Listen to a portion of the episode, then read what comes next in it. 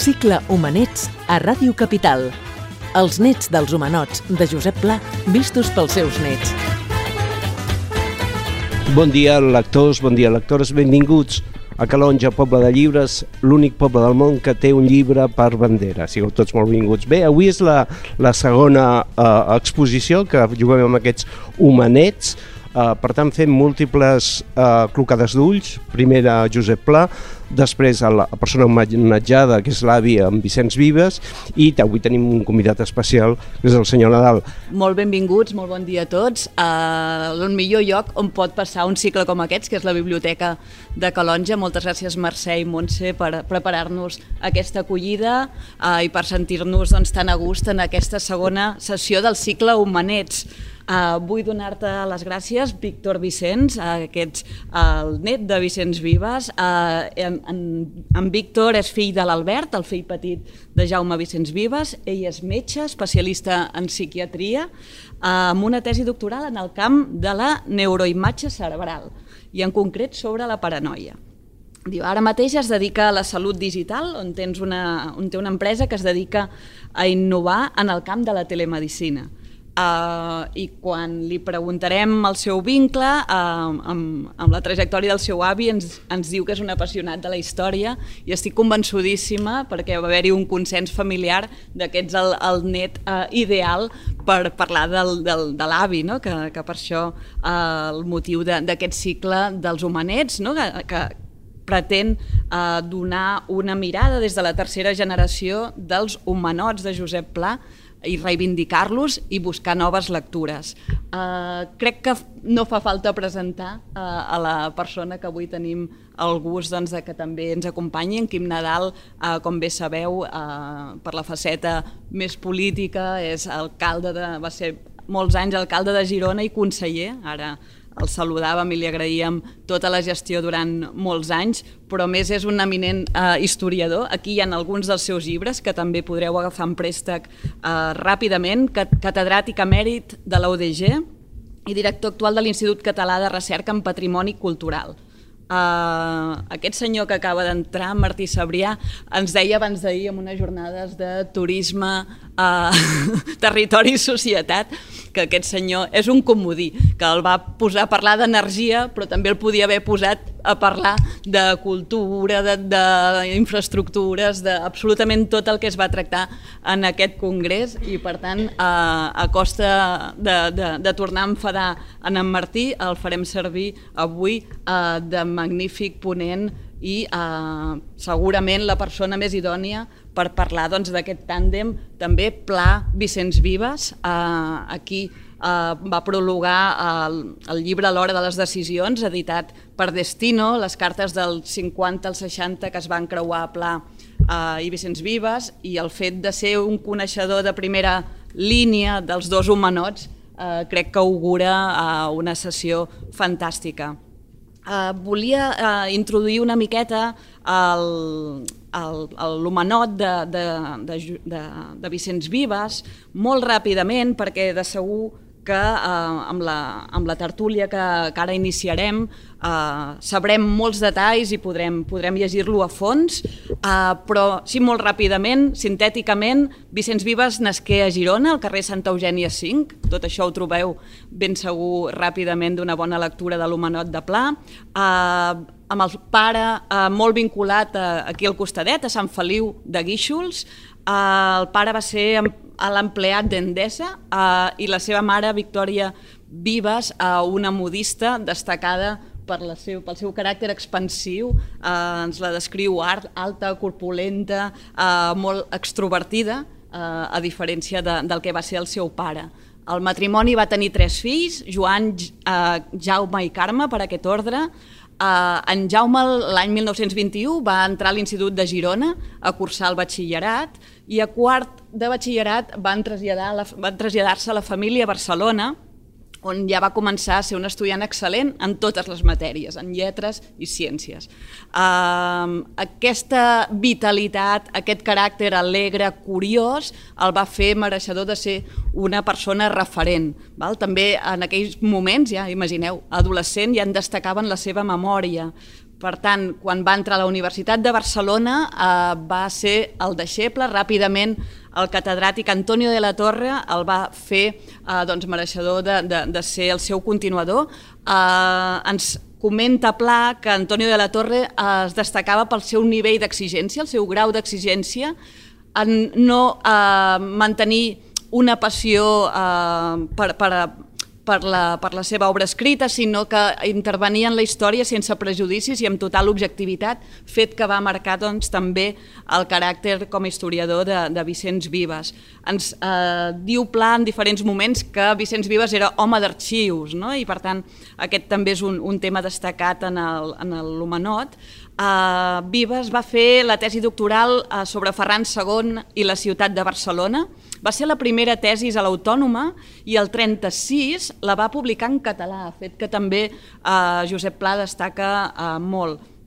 A diferència de, de Josep Pla, que se l'atribueix com a home de cafè, eh, Vicenç Vives eh, es passava doncs, moltíssimes hores eh, als arxius i treballant. Eh, comenten els seus companys que era difícil, veritat, de, de treure'l de, de, de la feina, que estava molt i molt centrat, que des de molt jove eh, escrivir les, va escriure la seva, la seva obra, va guanyar molt jove també una càtedra a Andalusia i una càtedra a l'Institut de Figueres que no va eh, exercir, no va prendre mai possessió, també durant la Guerra Civil es va casar amb Roser Rahola, avui en parlarem una mica més a fons. Eh, es casaren això durant la Guerra Civil eh, en una cerimònia cívica a la Universitat de Barcelona i una de religiosa clandestina, que també estic segura que en Víctor eh, i, el, i en Quim ens en podran explicar alguna cosa més. Eh, va, va iniciar amb la seva dona com a col·laboradora, eh, tots els seus inicis dels encàrrecs editorials, se'l destaca com a ploma fluent i eminentment eficient. Eh, davant del, del que Pla descriu com una literatura universitària tediosa, àrida, uh, inànime, inànime uh, neix la prosa de, de, de, de Vicenç Vives. Als 37 anys va ser catedràtic de la Universitat de Barcelona i ja va començar a destacar eh, entre els estudiants per al seu interès, per al seu carisma, imagineu, amb 37 anys. Um, Se'l destaca com a creador de la història de l'Escola Histori Historiogràfica de Barcelona i com a eh, destacat eh, historiador on posa de relleu l'economia, la història econòmica en la seva obra. Ens diu Josep Pla una frase interessant que avui eh, també podrem extreure. Diu, no era un mediocre ni gaire acomodatici, i menys un unànime. Per tant, eh, aquest fet segur que el va marcar molt a fons, com ens comentaran els dos ponents avui. Uh, també es destacava per utilitzar fonts autèntiques, avui que estem en una biblioteca, no per uh, remetre doncs, a, a oïdes, sinó que, que era doncs, molt curós amb, amb les fonts um, i alliberat del sentimentalisme segurament del llegat del que va ser el seu uh, pare uh, a nivell docent.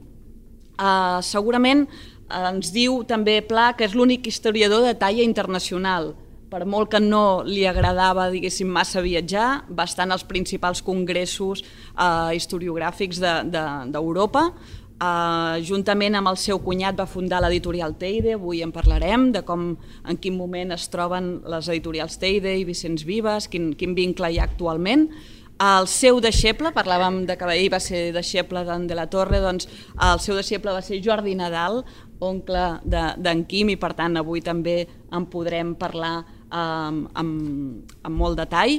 Uh, no m'allargo més, uh, com tots sabem, Uh, Vicenç Vives va morir massa jove, va morir només amb 50 anys uh, d'una malaltia, d'un procés uh, molt ràpid, uh, en el moment pic, segurament, de, de la seva carrera professional, amb cinc fills uh, uh, al darrere, diguéssim, cinc fills que avui en Víctor ens sabrà explicar uh, quin, quin llegat i quina manera d'apropar-se doncs, a la figura del pare i després de l'avi doncs, eh, han, han tingut. Per tant, eh, moltíssimes gràcies als dos. Eh, queda doncs, la lectura d'aquesta segona sèrie per tots vosaltres, aquí la biblioteca la tenim ben present i m'adreço, si us sembla, les primeres preguntes al Víctor per demanar-te, si us plau, quina era la teva relació, en primer lloc, amb, amb l'avi, no? És com a net. Moltes gràcies per invitar-me i bon dia a tothom. Eh, jo sóc el, el fill de, del, del fill petit de Jaume Vicenç Vives que va morir l'any 60, per tant, òbviament no he tingut l'ocasió de conèixer el person doncs, eh, bé, el meu pare ha sigut una persona que, eh, ho comentàvem també amb el, amb el Quim ara, però que s'ha cuidat molt de, de, de seguir i de mantenir la, la, la seva, el seu llegat, ha sigut el director de l'editorial Vicenç Vives, que deies, per molta gent, Vicenç Vives és un institut, sobretot a Girona, per, per, altra, per molta gent és una editorial mm, i, i òbviament, per la gent una mica més del, del món de la història és un, és un personatge molt, molt rellevant. Um, Bé, doncs eh, sí, crec, eh, òbviament tinc moltes coses a explicar, és el, és el, eh, la meva mare ha sigut la seva biògrafa també, no, sense cap relació, la seva, la seva jove, doncs la, el llibre, el llibre perdó, està assenyalant, aquest llibre el va escriure la meva mare, és a dir, també s'hi ha dedicat i per tant és un personatge que la meva família ha estat òbviament present, ha influït en, en el, probablement en el que jo he fet i sobretot en el que hem viscut. No? Per tant, uh, Víctor, creus que s'ha fet prou per donar a conèixer la figura de, de Vicenç Vives? Esteu contents, la família, amb, amb el reconeixement posterior? Jo realment, a veure, òbviament la, el paper a nivell de mantenir el que és el nom i això, doncs, el, jo crec que l'editorial ha sigut un dels pilars, amb a mínim, perquè no s'oblidés el, el que és el seu nom, però òbviament hi han hagut durant aquests darrers, des que jo tinc records, doncs, polèmiques o eh, cicles, no? que a vegades dius ara comencen a aparèixer articles al diari un darrere l'altre, polèmiques més o menys interessades o no, o més o menys polítiques, però que en el fons han fet que, la, que aquesta figura siguis viva i que probablement d'aquí dos o tres anys o quatre algú tornarà a escriure un article a, a, a La Vanguardia o al País, l'altre contestarà en un altre lloc i diguéssim que és un... El, jo crec que sí que ha estat eh, present i ha estat eh, doncs, amb, de forma a vegades més cíclica per certa gent, però bueno, jo crec que sí que ha estat, el, el, es va fer fa el 2010, diria, sí, el seu centenari, 50 eh, anys de la seva mort també es va, jo crec que també es van fer molts, molts actes molt rellevants, per tant, no, en aquest sentit no, no puc dir que no, que no se li ha fet cas. Perfecte. A, a nivell familiar, quan parleu de l'humanot, mm -hmm. uh, quines anècdotes o, o què inclouríeu o destacaríeu, diguéssim, de, de, del que diu Pla? Jo pel que sé, i mm, us puc dir que jo, la meva àvia, per exemple, o sigui, la dona, la vídua del Vicenç Vives va morir fa dos anys, amb 105 anys, per tant, i jo també vaig tenir una època que dinava amb ella cada dia quan anava a l'escola, per tant vaig tenir ocasió de, de, de parlar-hi molt, però no parlava gaire del, de, no, no parlava gaire del passat. Cosa que, per exemple, el meu pare, que tenia 9 anys quan va morir el Vicenç Vives, la meitat de les seves històries són sobre aquells 9 anys, no? sobre, sobre, per tant, eh, diguéssim que, que, que tinc certa... El que sí que sé és que la meva àvia no li agrada que es parlis del passat i que l'homenot aquest no li va agradar massa, sobretot la part de la, no, no la part del personatge, però la part de la, de la biografia, diguéssim, prèvia, de la seva, del, i sobretot la història del segon matrimoni de la, de la, de la, de la seva de la, de la mare del, del Jaume, Um, sé que una part de culpa és del, del, del teu sogre, perquè crec que, que gran part de la informació la va recabar, no, perquè era el seu, era el seu millor amic d'infància, no? i en el fons el Pla va anar a buscar-lo perquè el coneixia personalment per preguntar-li sobre el Vicenç Vives i va donar una informació que diu al meu pare que ells ni sabien, que era que la seva mare havia tingut un segon matrimoni, que havia anat fatal, que havien acabat anant a Barcelona una mica per això, és una anècdota eh, aquest doc perquè no té més rellevància, però sé que per la meva família i per la meva àvia era un tema important he vist en Quim amb, amb ganes d'agafar bueno, era per una mica era una, era una mica per provocar aquí el, però sí que gran part de la informació de, de l'humanot ve de, de, de Santiago Sobraqués, que és el seu, el seu millor amic o el seu amic d'infància. Molt bé. A nivell professional, uh, què en destacaries? Uh, el llegat, no? comentàvem Pla, ens parla de, de diferents llegats. Uh, a nivell familiar, uh, quan parleu de, de l'avi, què és el que més us agrada destacar? bueno, en primer lloc, a nivell professional, jo, la meva, la meva anàlisi una mica de lo que he anat llegint, i òbviament hi ha obres que les he llegit fa molts anys, altres que les he llegit a mitges i altres que les he llegit més recentment, jo vull pensar que és un personatge que va ajudar a navegar una època molt complicada per Catalunya i pels catalans, en els quals jo crec que la gent als anys 50 s'estava plantejant si existíem realment, com per dir, si realment allò anava definitivament cap a la, cap a la de, de, desaparició de la nostra cultura. Entenc que als anys 50 portaven 10 anys de franquisme molt intens, no es publicava en català, no s'estudiava en català, diguéssim que la cosa pintava molt malament. Jo crec que ell, més enllà del seu treball professional, òbviament, i, i com deia el, vaig llegir un, uns escrits del, del Quim, òbviament l'evolució dels textos de Pla com a, com a literat és més interessant que un text històric científic que, que amb els anys va perdent una certa actualitat, no? No, no és el mateix llegir una literatura de fa 80 anys que, que, que història, això és una cosa, però jo crec que sí que el, el llegat com a, com, a, com a persona que va voler activament mantenir o explicar-li als catalans el que ells eren, que tenien un passat i una història i que tenien un futur, doncs crec que, que és el seu llegat a nivell professional que a mi personalment més m'interessa. A nivell familiar, doncs, eh, per exemple, puc posar un exemple de la passió per als estudis, per, per l'esforç jo, per exemple, em van jutjar sempre a la meva família, o el que em van exigir va ser que estudiés. Quan jo era petit, el meu pare em deia, tu l'únic que has de fer és estudiar, treure bones notes i treure el màxim que puguis. La meva àvia, per exemple, sé que li feia molta il·lusió que, que, que, que algun descendent seu tingués una tesi doctoral, perquè per ells era el màxim, no? la universitat, les tesis. L'any passat passat vaig, vaig acabar la meva tesi doctoral i la pena és que no vaig fer-ho a temps, però bueno, mira que em, em va donar temps perquè va viure 105 anys, però bueno, en tot cas, la meva dedicatòria a la meva tesi era per la meva àvia i per la seva, perquè sé que per ells era pràcticament el més important, era les, els estudis i la universitat. Això sí que és un, el llegat familiar que, que puc destacar. Hi ha, hi ha una pregunta que només me la podeu respondre als nets, no? de, de, dels humanots. Uh, quin, quin record es té com a pare? No? Quin, els, els fills de, de, de Vicenç Vives? Uh, el tracte més humà, no? el tracte familiar, amb la mm. seva dona, amb els seus fills, què és el que queda, diguéssim, d'aquest? Doncs un personatge, i això jo crec que l'Humanot ho explica molt bé, i, i, i, i ara bueno, eh, un personatge molt familiar que havia tingut un, un passat, una infància, una infància a nivell familiar potser complicada amb la mort molt prematura dels seus dos, del pare i després de la mare i la, i els, la disgregació una mica de, de la família i jo crec que ell volia, i, i sembla quasi bé miraculós, no? perquè ell volia, més enllà de la quantitat de feina que feia, publicar, portar un editorial catedràtic d'universitat, o sigui, una quantitat de coses que és difícil de, de creure inclús que pogués fer, tot i això doncs, feia molt cas a, la família, anava amb el meu pare tot arreu, agafes el llibre qualsevol d'aquests llibres aquest que ara va sortir del, del, del Quintà, no? pues a la portada està el Pla, el, el Jaume Vicenç i el meu pare en els braços d'ell que era com anava sempre i tothom descriu no? que, anava, que, que anava amb ells i era molt carinyós. El meu pare explica pues, que ell anava pues, a Montserrat, anava a, a Girona, anava a llocs a, a reunir-se amb gent, a, a veure conferències, el posaven allà darrere i sabia d'escoltar una conferència que òbviament en 8 anys no li interessava, però sí que sempre que anava a un lloc s'enduia s'enduia com a mínim un parell de fills per poder, bueno, entenc que aprofitar el temps també en aquest sentit. Gràcies. Aquí tenim un senyor també que el deixeble de Vicenç Vives als 14 anys els portava cap a arxius.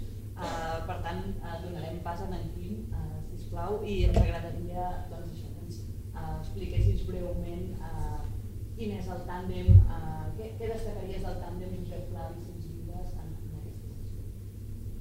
Bé, jo primer volia, abans de destacar el tàndem, uh, destacar la personalitat i l'aportació fonamental de Jaume Vicenç Vives.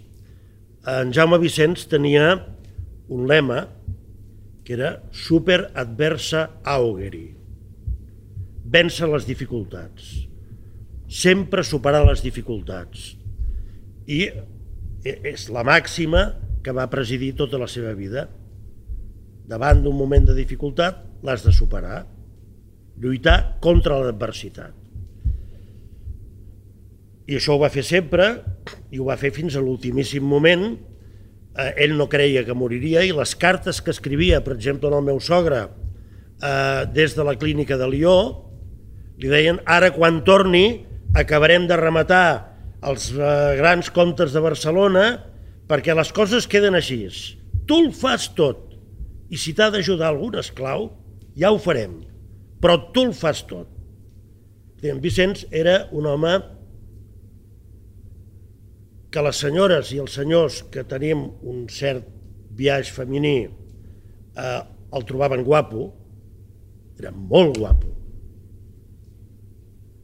d'una gran planta, i tu has tuitat avui, allò, no entrava en els llocs i rompia.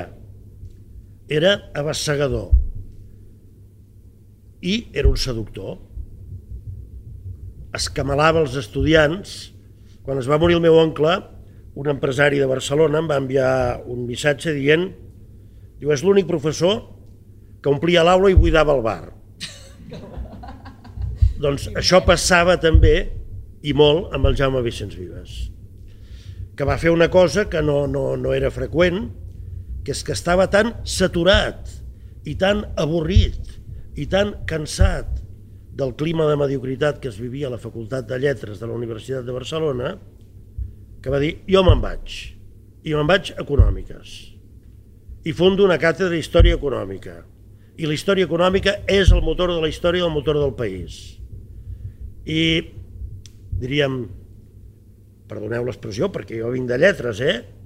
Les mòmies que es quedin a lletres, econòmiques és on s'hi juga el pa del futur. Eh? I en Vicenç tenia una altra característica. Era d'una disciplina extrema. Fins al punt, i això eren clavats Jaume Vicenç i Josep Tarradellas, en Tarradellas una hora abans que en Vicenç, em sembla, però en tot cas és igual. Vicenç, en el, a, casa seva, feia reunions, algunes de debat historiogràfic, altres de conspiració, conspiració política. Totes les reunions s'acabaven a les 12 en punt. I el Tarradellas ho feia així també. Fins i tot en un sopar oficial, senyor, són les 12 i jo me'n vaig a dormir. I el Vicent, senyor, són les 12, jo me'n vaig a dormir. Bueno, i, escolta, queda't una hora més que podrem... Jo m'aixeco a les 6 a escriure. I com que m'aixeco a les 6 a escriure i de 6 a 8 és l'estona en la que estic més creatiu i més fluid i que les idees se m'encadenen més fàcilment, doncs no vull desaprofitar. Això ja sabeu que hi ha dos tipus de gent. La que va dormir aviat perquè s'aixeca aviat i rendeix molt de matí, i la que mai no ha arribat l'hora d'anar a dormir i que, si poguessin quedar al llit fins a les 12, es queden al llit fins a les 12. Encara una altra cosa. En Vicenç és l'home que tenia al cap una estratègia des de Catalunya per dominar el mapa universitari espanyol. I va intentar, en part ho va aconseguir, però amb enormes dificultats, desplegar una tranyina de deixebles seus a altres universitats espanyoles un cop ell va arribar a Barcelona. Tenia una estratègia universitària per dir l'escola d'historiografia de Barcelona ha de dominar el panorama historiogràfic espanyol. Reglà, Vicent, eh, Jordi Nadal, Emili Giral, Josep Fontana, tot, tota aquesta gent, gent de la fornada d'en Jaume Vicenç, que ell intentava anar descobrint, Joan Mercader, que vivia a Madrid, tots són persones que es desplegaven amb una estratègia de les oposicions. En Jaume Vicent sabia qui havia de tocar del tribunal per aconseguir que el seu deixeble i anava intentant col·locar els peons en tota la geografia espanyola. Ja dic, se'n va sortir només en part, però ho tenia al cap. Tenia al cap una altra cosa, que era la internacionalització de la historiografia, des de Catalunya. Ell és el que extén una amplíssima xarxa de contactes a tota Europa, eh, fins i tot a la Unió Soviètica i als Estats Units, i per tant tenia molts contactes eh, de moltes menes, des del pare Burns, que era un jesuïta dedicat a la història dels jueus i a la història medieval, fins fa venir l'Eliot, i l'Eliot el descobreix en Vicenç i el primer article sobre la revolta el publica a la revista que funda el Jaume Vicenç, Estudios d'Història Moderna. I va descobrint successivament, Pierre Vilar, és factura Vicenç, de facció, eh? Eh, fins que emergeix l'historiador marxista que preval per damunt de l'historiador, en aquest sentit més tradicional, que era en Jaume Vicenç. Però en Jaume Vicenç tenia una altra cosa. Escrivia molt bé, com has explicat tu, cosa que no és freqüent en els historiadors, en això era un clar seguidor d'en Ferran Soldavila, que escrivia molt bé, però Soldavila i Vicenç discrepaven. Un feia un tipus d'història, l'altre feia un altre tipus d'història. I una de les coses que va fer gran en el Jaume Vicenç va ser polemitzar amb Sol de Vila i polemitzar amb Rovira i Virgili. I hi ha una polèmica molt clara al voltant de què és el que li convé a Catalunya de cares a enfocar el futur. I en Jaume Vicenç, a partir d'un determinat moment, després d'una època complicada, que és la dels anys 40, en què el que ha de fer és afirmar la seva opció professional, eh, comença a maquinar eines de combat per a la història. Tant la notícia de Catalunya com l'aproximació a la història d'Espanya són dos llibres com mai més no se n'ha escrit cap. Són assajos, no són llibres d'història purament parlant, són assajos però molt ben escrits, molt atractius i amb moltes idees al darrere. Idees que mouen persones, països, és a dir, idees de transformació. No només això, sinó que el Vicenç, que comença amb l'edat mitjana, amb Ferran II i la ciutat de Barcelona, arriba un moment que s'adona que allò que convé a Catalunya és connectar amb la burgesia industrial i que la burgesia industrial ha fet la revolució industrial i que Catalunya, la fàbrica d'Espanya, mereix una evolució dels estudis medievals cap a la història contemporània, segles XIX i XX, i la història de la industrialització, que ell tipifica en una conferència que es va fer històrica, que era els industrials catalans, el capità d'indústria.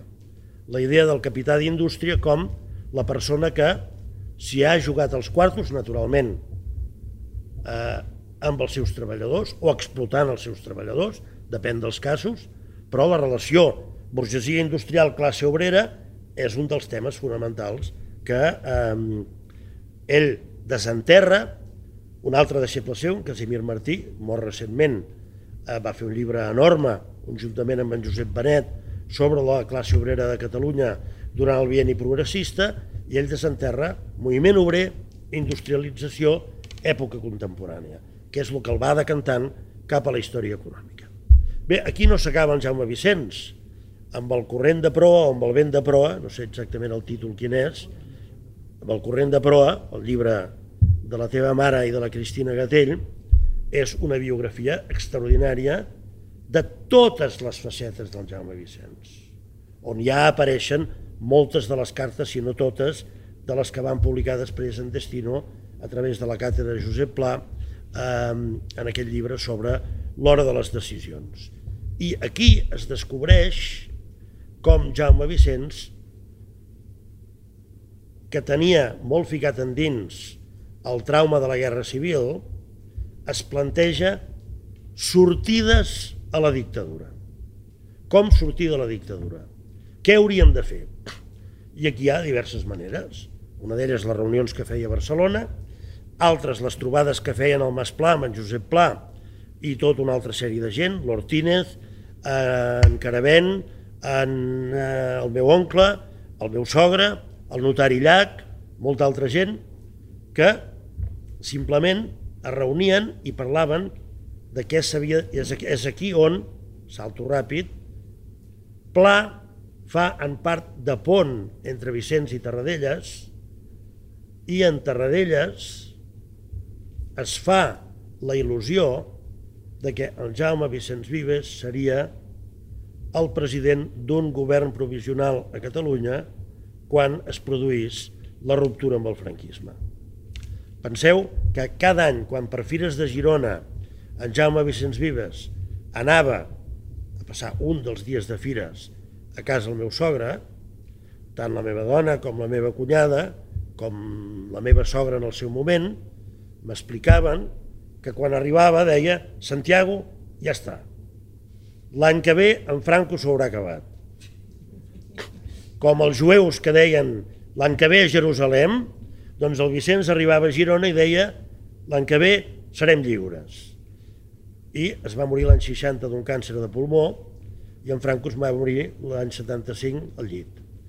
Vull dir que eh, en Franco va sobreviure en Jaume Vicenç Vives 15 anys, però en Pla s'havia fet la il·lusió, i en Tarradellas també, que en Jaume Vicenç seria eh, una persona clau eh, d'un gran bagatge intel·lectual i alhora d'una gran capacitat d'intervenir en la cosa política ajuntant voluntats. És a dir, en, en Jaume Vicenç era capaç de camalar-se la burgesia industrial perquè li financés algun projecte historiogràfic i alhora, en el món intel·lectual, obrer i estudiantil, tenir contactes per fer la fusió de les dues ànimes que havien estat en conflicte durant la Guerra Civil i per intentar superar-ho. No? És a dir que era una personalitat abassegadora. El meu oncle, per exemple, va heredar de Jaume Vicenç algunes coses. Una d'elles, que era típica de cada principi de curs, això ho feia el meu oncle, però ell ho havia pres d'en Jaume Vicenç. Vostè, Montero, d'on és vostè? Oh, jo sóc de Palafrugell. Coneix el llibre d'en Ramir Madí, Història del Gremio, Gremio Corchero? No, que diu, no torni fins a final de curs i si no s'ha llegit aquell llibre el suspendré. I això feia el Jaume Vicenç, no? Un llibre que segueix sent un llibre important per la història de la indústria surotapera i interpel·lava els del lloc, vostè és de Caçà de la Selva, què sap del suro? Vostè no... I, i sobre això doncs ja hi afegien un punt, per exemple, d'anticlericalisme, i com que el concepte marrana és la de jueva conversa, i als anys 50 i 60 hi havia moltes monges a la primera fila de la classe perquè eren molt aplicades. Hermana, Santa Teresa era una marrana. I les monges ben escandalitzades. Eh? Però clar, no saben nada, no saben nada. Eh? És què és una marrana? I llavors jugava a, a partir d'aquí i en el xoc començar un procés d'educació en el llenguatge, en el coneixement de les coses, i això és el que el feia eh, enormement atractiu, seductor, eh, trencador, innovador, eh, totes aquestes coses. És a dir, que eh, en fi, jo no el vaig conèixer, jo tenia 12 anys quan ell va morir, però ja us dic, tant el meu oncle, que n'era un deixeble molt directe i que se'l van portar a la Facultat d'Econòmiques i que li va deixar fer un capítol del Manual d'Història Econòmica d'Espanya, doncs en parlava meravelles perquè eh, el meu oncle que havia estudiat dret i història perquè el seu pare volia que fos notari, un cop seduït per en Jaume Vicenç, va deixar l'advocacia i es va dedicar exclusivament a la història. No? I una última cosa que eh, val pel que val, però, però ja que ho has esmentat tu, Carme, en Jaume Vicenç es va casar amb la Roser Rahola al Paranif de la universitat, crec recordar. I els va casar en Pere Boix i en Pere, em sembla. Eh? I en Pere Boix i en Pere els hi va fer la gràcia de, no sé si l'original o una rèplica, perquè la rèplica els hi va regalar, diu, es van casar davant de la Venus d'Empúries. Eh? Aquella escultura, aquella peça d'una figura femenina nua, molt interessant, no? I en Pericot, que era deixeble d'en Boix Impera i que era amic d'en Jaume Vicenç, diu, que passa que l'endemà després, sense dir-ho ningú, es van anar a casar per l'església. Eh? Això que deies tu, d'un casament religiós clandestí. Però, de fet, diríem, la solemnitat eh, situava el casament de Jaume Vicenç Vives en el cor mateix del que era la Universitat de Barcelona en un moment de transformació revolucionària, és a dir, la Universitat Autònoma de Barcelona era eh, la Universitat Autònoma de Catalunya va ser un, un model innovador que va incorporar a la docència universitària tots els savis que no havien tingut accés burocràtic a les càtedres respectives i que hi arribaven. Bé, dues coses finals. Una, eh, tu has esmentat, tu també una mica, el volum de la correspondència entre Santiago Sobrequés i en Jaume Vicenç Vives fa mil i pico pàgines i són, no sé si cinc... No aquest, no. No sé si són 500, 500 cartes, eh? És a dir, s'escrivien per qualsevol cosa. Ha nascut en Jordi, ha nascut en Pere, ha nascut l'Albert, ha nascut la Dolors, ha nascut la Calai, ha nascut i es anaven cartejant perquè eh, havien estudiat el batxillerat junts a l'Institut de Girona i en Jaume Vicenç era el capità d'una banda, en la que també hi havia el meu sogre, que es tiraven pedres amb una altra banda, que no recordo com es deien, que eren els nois de l'extraradi de Torre Gironella i de les Pedreres. I això queda molt i queda sempre, i per això van ser molt i molt amics tota la vida. Eh, la mort d'en Vicenç va ser un baix, el funeral i l'enterrament d'en Vicenç a Roses va ser un baix, hi ha unes imatges que si no fos que són tristíssimes, són precioses del carro eh, i el taüt amb el Jaume Vicenç Vives amb una part molt important de la societat catalana acompanyant aquella persona que s'hagués viscut més hagués transformat molt més a fons la historiografia de Catalunya i probablement hagués fet el salt a la política i hagués tingut un paper en el procés de democratització. Eh, el Lumenot d'en Pla acaba. Diu, traslladat a Lió per seguir un tractament a la clínica du Parc i morir el 28 de juny de 1960. Tenia 50 anys. Fou enterrat a Roses enmig d'un impressionant dolor. La seva mort ha estat la més devastadora que el país ha sofert en els anys que anem mediocrement vivint. I la idea també del combat a la mediocritat com una qüestió que hi havia en l'horitzó i com un imperatiu categòric i moral de superació si Catalunya volia desfer-se d'algun dels fantasmes del passat és molt difícil superar la quimipèdia, no? ho sap tot, jo crec que, que... moltíssimes gràcies, Quim, és fantàstic. Voldria uh, demanar a en Víctor, no? En, en, en Quim ha posat també molt l'accent a tota la part de la universitat, no? Quin és el llegat que podem, quin és el vincle actual del món universitari amb, amb Vicenç Vives? No tinc mateix xorro de veu, però intentaré fer sense, sense micròfon. A veure, és, és potser probablement el món que, que menys conec, tot i que jo vaig estudiar història també els meus últims anys de, de medicina vaig, vaig compaginar amb els estudis d'història perquè no és que només m'apassionés sinó que m'agradava moltíssim i, i m'encantava però després vaig començar a fer la residència de psiquiatria i no vaig acabar la carrera però bueno, òbviament eh, entenc que és una figura que a nivell d'universitat doncs, bueno, una mica el que explicava el Quim no? Vull dir, és, ha, ha generat una, una, una forma de, de, de, de, de veure, jo crec que a mi per exemple el que més m'interessa és la figura aquesta del professor, no? la, seva, la seva forma de, de, d'enfocar de, de, les classes, per exemple, m'explicava sempre el meu pare, sempre hi anava gent a veure, gent que potser no era d'aquella assignatura, i ell ho encoratjava, i la gent de peu a darrere, no? I jo tinc una anècdota un cop fent la carrera d'Història, que estava a l'Autònoma, i, i hi havia un professor que m'agradava molt el que feia, que era la història conquesta i colonització d'Amèrica. I em vaig presentar ja amb una amiga, li vaig dir, vine, perquè és que és una classe molt interessant, i la vaig pujar allà, i, el, i aquest professor la va veure i va dir, ¿usted es de esta clase? Va dir, no, diu, pues ya puedes salir por la puerta jo, jo vam sortir i quan vaig, el vaig esperar fora no només ens va dir això, em va dir jo també puc venir con mi perro, bueno, es va fotre una bronca espectacular a l'autònoma eh?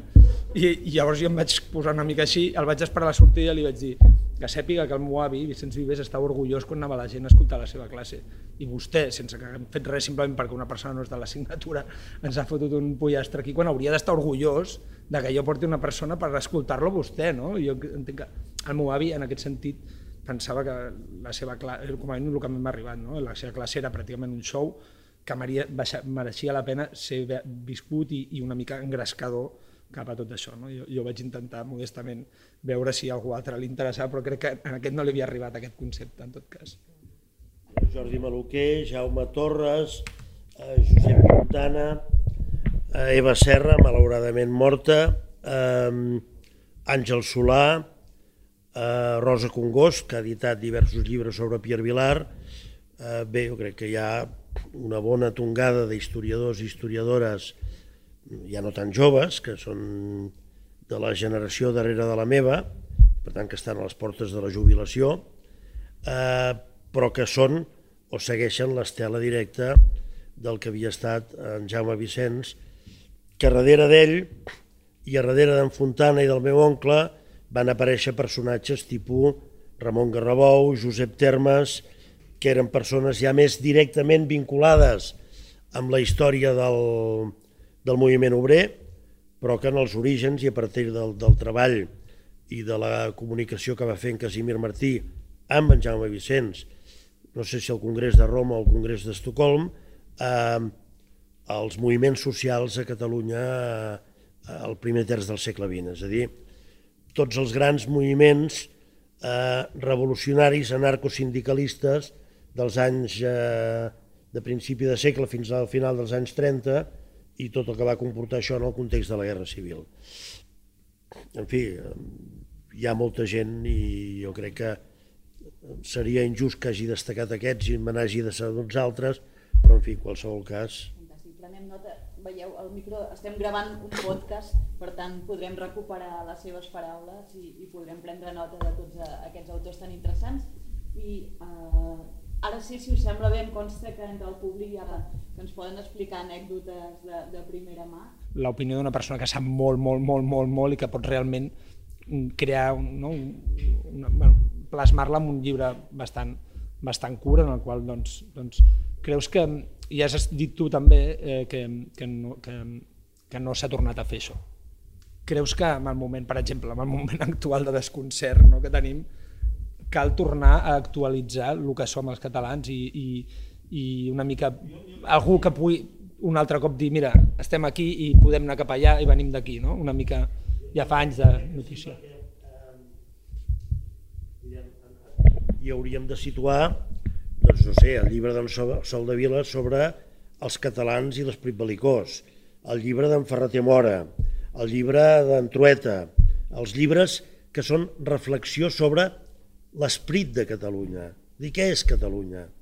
Què ha estat en el passat, què és ara, què ha de ser en el futur? I que, i que en Vicenç tipifica en la relació dialèctica seny-rauxa. No? És a dir, en el passat ens ha caracteritzat aquest constant alts i baixos, eh, com podem casar les coses de tal manera que mai, mai més no torni a haver-hi un baix de la magnitud del que va ser la Guerra Civil Espanyola. Fixeu-vos que, i ara em posaré la meva faceta de professor d'història, eh, hi ha diversos moments en el segle XX en què sembla que els moviments catalanistes se'n sortiran i dos anys després es produeix una patacada.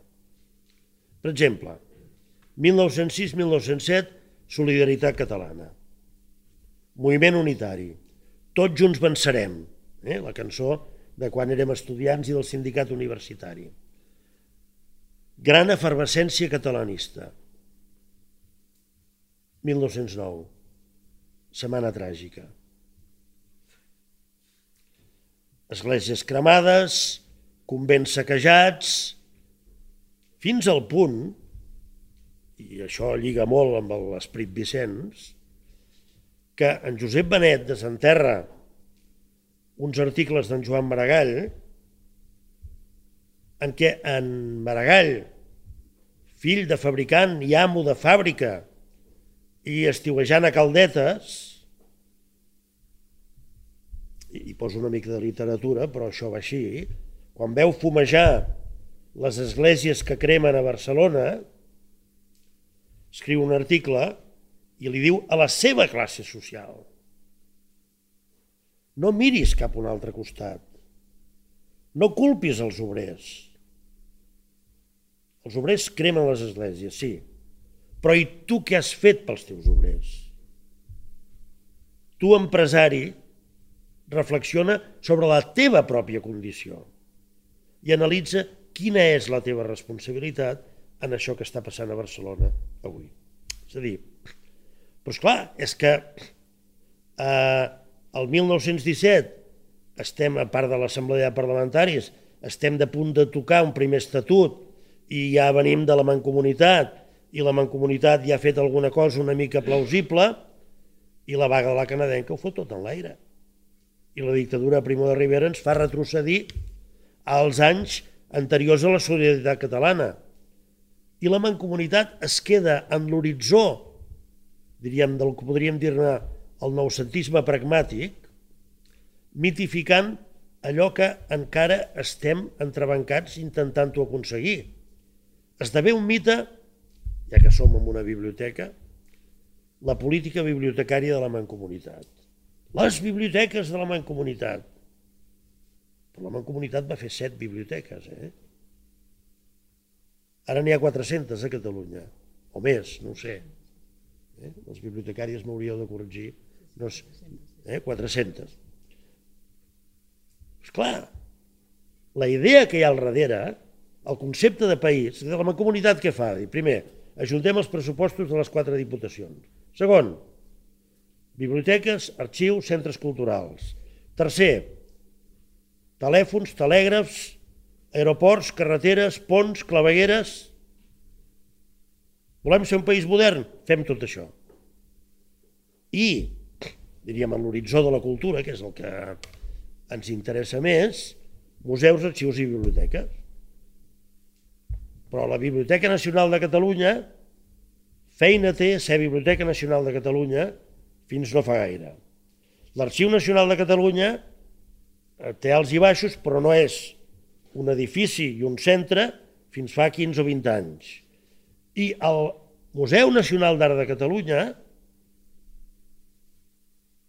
fundat el 34, inaugurat 34 i 36, perquè els fets d'octubre foten en l'aire la inauguració oficial, que no es pot tornar a fer fins a l'any 36, i per tant l'inauguren els militars, amb la Generalitat intervinguda, i el MANAC, Ara comença a ser i a fer de Museu Nacional d'Art de Catalunya i a repartir una mica les seves col·leccions a la xarxa de museus de Catalunya.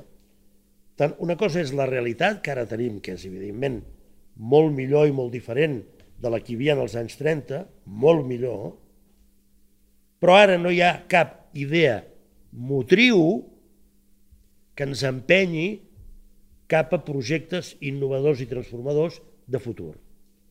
I en canvi, diríem, el noucentisme, gairebé malgrat Eugeni d'Ors, o gràcies i després malgrat, eh, va pensar, pensant en Alemanya, pensant en Suïssa, pensant en Àustria, pensant en França, pensant en Anglaterra, com volem ser quan siguem grans.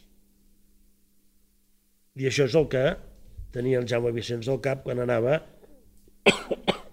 als congressos internacionals, no només explicar la seva recerca, sinó a fer xarxa de relacions. Per exemple, i acabo, en Giral i el meu oncle van fer una tesi doctoral sobre la immigració francesa a Catalunya al segle XVI i XVII. És a dir, Catalunya es buida del segle XV, fruit de la pesta negra i de la guerra civil del segle XV, que tant ha estudiat el meu sogre, i eh, venen com a conseqüència de les guerres de religió francesos més aviat hugonots a instal·lar-se a Catalunya a ocupar el forat demogràfic que s'havia produït al segle XV. I estudien això, no? Quan estan a mig fer aquesta tesi, se'n van a Toulouse perquè els hi envia el Jaume Vicenç. I el Jaume Vicenç escriu el Fernand Brodel a París i els hi diuen en Giral i en el meu oncle, que tenien 23 o 24 anys, escriviu en Brodel i expliqueu-li el que esteu fent. I en Brodel, perquè en Vicenç els havia donat una empenta, escriu en aquests dos pajaritos que estaven estudiant i investigant a Toulouse, Tolosa de Llenguadoc, i els envia un taló. Diu, més fons aquí van uns diners perquè us pagueu el bitllet de tren, jo us acolliré a la Sorbona i treballareu amb mi durant un temps, ja us buscaré una residència. Ambaixador. Clar, les relacions, entens? Era això. Magnífica lliçó, eh? aquesta no, no, no, no, no la teníem prevista i per tant mil gràcies a Quim alguna pregunta del públic, si no faré una interpel·lació. Tenim la sort de, de, de tenir en Francesc Montero per aquí. Però no per... una pregunta, una Jo com a... I soc psiquiatre, per tant també puc fer una mena d'interpretació dins de, de, de, de tot. Eh, jo crec que sí, jo l'he viscut, no et dic que negativament, eh, però sí que l'he viscut i òbviament eh, quan ahir estava llegint l'Humanot i veus el que explica, jo soc una persona que si cosa m'assembla amb ell és amb la hiperactivitat, però jo sempre dic faig moltes coses i més o menys, no? Pues, bueno, però el pla diu, Vicenç Vies feia moltes coses i totes bé, no? I dius, hosti, hosti, jo voldria ser com aquest home, no? Com pot ser? Com pot fer tot això? I a més ser pare de família i fet... O sigui, hi ha una... Jo com a mínim personalment sí que he viscut una... I, ostres, i el meu pare sempre em deia, tu tindràs el cabell blanc amb 25 anys i, i en el fons estava projectant que volia que fos com el seu pare, no? Encara no el tinc tan blanc, ja han passat uns quants anys, però vull dir que, que, sí, que sí que ho he viscut, tot i que tampoc negativament, però, però bueno, sí que no hi ha ningú que hagi sigut com ell, però bueno, sí que hi ha hagut, per exemple, l'editorial i el treball que ha fet el meu pare per mi ha sigut una cosa espectacular tots aquests anys i, i jo crec que, que amb una vessant pues, econòmica o, o de negoci, com vulguis veure, pues, ha sigut una cosa que no ha estat gens malament i, i bueno, jo modestament pues, intento donar el màxim que puc i, i, i no et dic assemblar-me perquè òbviament no sóc igual però, però sí que, sí que hi, ha, hi ha una certa, com a mínim el meu pare que és la persona que més jo crec de la família ha, estat, ha tingut present l'avi, diguéssim, jo crec que sí que ho ha, ho ha, transmet, ho ha transmès una mica, sí. sí, sí. I una altra cosa que, dic, que vull dir que m'havia oblidat de dir, que el llegat que tinc material d'ell és això, és aquesta camisa que porto, que és la seva, la seva guaiavera, o bueno, com dir, una pescadora, diu la meva mare. Jo la portava quan tenia 16 anys, la vaig portar durant uns quants anys, i té més de 60 anys i quan ja vas començar a descosir-se doncs me la vaig deixar de posar, la vaig guardar en un armari i, ja, i ahir dic, bueno, me la, posa, me la torno a provar a veure si em cap i tal, dic, bueno, més o menys em va bé, m'he remengat una mica així perquè no és gaire modern i, i me l'he posat i dic, encara, encara està bé. I llavors, eh, sí, és la seva camisa de l'estiu, diguéssim, i el meu pare doncs, tenia una manta que, que estava feta, té una manta, que aquesta té meva germana, que és molt xula, que estava feta amb un abric d'ell, la meva àvia a la Guerra Civil va fer una manta perquè suposo que tenien, necessitaven mantes per tapar els nens o per tapar-se, jo què sé. El, el cas és que aquesta manta té la meva germana i jo tinc la seva camisa i la meva mare té les plomes que, fe, que es feia servir per escriure, les Parker, diguéssim, i a nivell material és això el que ha quedat també.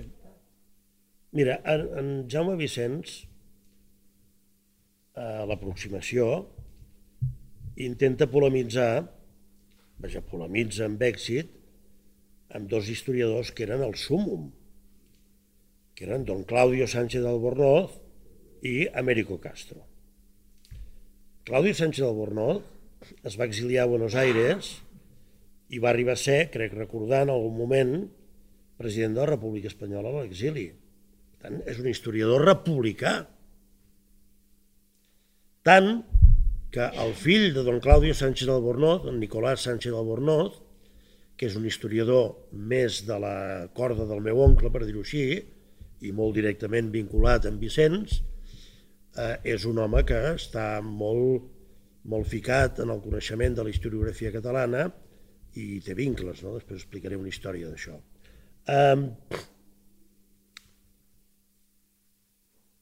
ara hi ha el que podríem dir-ne l'escola revisionista, els que voldrien negar les causes reals de la guerra civil, per exemple, els que voldrien justificar el cop d'estat, els que escriuen i diuen, tipus Pio Moa, no hi va haver més remei, la república era un caos i calia alguna cosa, i els que a Espanya o a Catalunya s'ho miren d'una altra manera. El Sicinio Pérez Garzón, el Guzmaro Pérez Bravo, don Ramon Carande en el seu moment, l'Antonio Domínguez Ortiz està ple de gent a la historiografia espanyola que connecten en la seva ideologia amb la historiografia catalana i eh, han sigut perfectament capaços de lligar caps sempre i de no arribar a una confrontació ideològica per raó d'uns fer una historiografia nacionalista espanyola i els altres fer una historiografia nacionalista catalana. No, més aviat, diríem, l'enfocament científic de la història situa els fets nacionalitaris en el seu context i els estudia, però no es deixen dur per, per la, per la, pel sotmetiment a la ideologia. No? Bé, per tant, jo crec que és perfectament plausible que hi hagi historiadors eh, en el conjunt d'Espanya que es voldria mirar la història d'Espanya no com va ser, sinó com ells voldrien que hagués sigut, eh? mentre que hi ha ple d'historiadors que eh, a dia d'avui són molt, molt, molt moderns i connecten amb el món i, a més a més, n'hi ha a Galícia, n'hi ha a Andalusia, n'hi ha a molts llocs i, diríem, el predomini i l'hegemonia madrilenya de la historiografia espanyola en part ha desaparegut. No? Per exemple, el Núñez Seixas és un historiador gallec que, que ha estudiat a Alemanya, sobretot, i que està perfectament capacitat per, des de l'òptica del galleguisme, mirar-se la història d'Espanya d'una manera molt plausible. Eh, una cosa sobre el Nicolás Sánchez Albornoz. Nicolás Sánchez Albornoz ve a estudiar a Espanya, eh, l'enganxen en un complot comunista a Madrid i l'envien a treballs forçats al Valle de los Caídos i el Nicolás Sánchez Albornoz és un dels dos protagonistes d'una pel·lícula que es diu Los años bárbaros, perquè dues noies americanes, totes dues de nom Bàrbara, una d'elles la Bàrbara Prop Solomon, morta fa dos anys, els esperaven amb un cotxe a l'Escorial després que s'escapessin del Valle de los Caídos i els van transportar en el maleter del cotxe d'un cotxe de dues turistes nord-americanes des de l'Escorial fins a la Collada de Tosses. I a la Collada de Tosses van passar a peu i van, a parar, van anar a parar a Vall Cebollera, és a dir, a l'Alta Cerdatja. I cada any el Nicolàs, amb els seus nets, va a fer el pas dels lladres que és el seu pas a peu des de la collada de Tosses fins a França, fugint del franquisme que l'estava perseguint, anys 40 o 50. Eh? Una darrera cosa. El pare del Jaume Vicenç es deia Vicenç de cognom. La mare del Jaume Vicenç es deia Vives de cognom. I el Jaume Vicenç es deia Jaume, Vicenç pel seu pare i Vives per la seva mare. Però els estudiants de l'Institut Vicenç Vives de Girona, com en diuen de l'Institut de Girona? El Vives. Perquè han acabat confonent-se i pensant que Vicenç era el nom. Eh? Doncs de tant en tant hem de fer allò, una, una lliçó, de dir, eh, Jaume, Vicenç, Vives. I per molt que Vicenç soni a nom, eh, era un cognom. Uh, si us sembla, anem tancant. Em sembla que tots hem compartit un somriure durant una hora, un privilegi a tenir, tenir el Víctor amb nosaltres i, i a Toquim per, per totes les lliçons. Uh, moltíssimes gràcies a tot el públic. Comentar-vos que la propera sessió d'aquest cicle Humanets tindrà lloc l'1 d'octubre, haurem d'esperar passat l'estiu. Uh, parlarem de Salvador Espriu amb Sebastià Bunyet. Humanets, amb Carme Fanoi.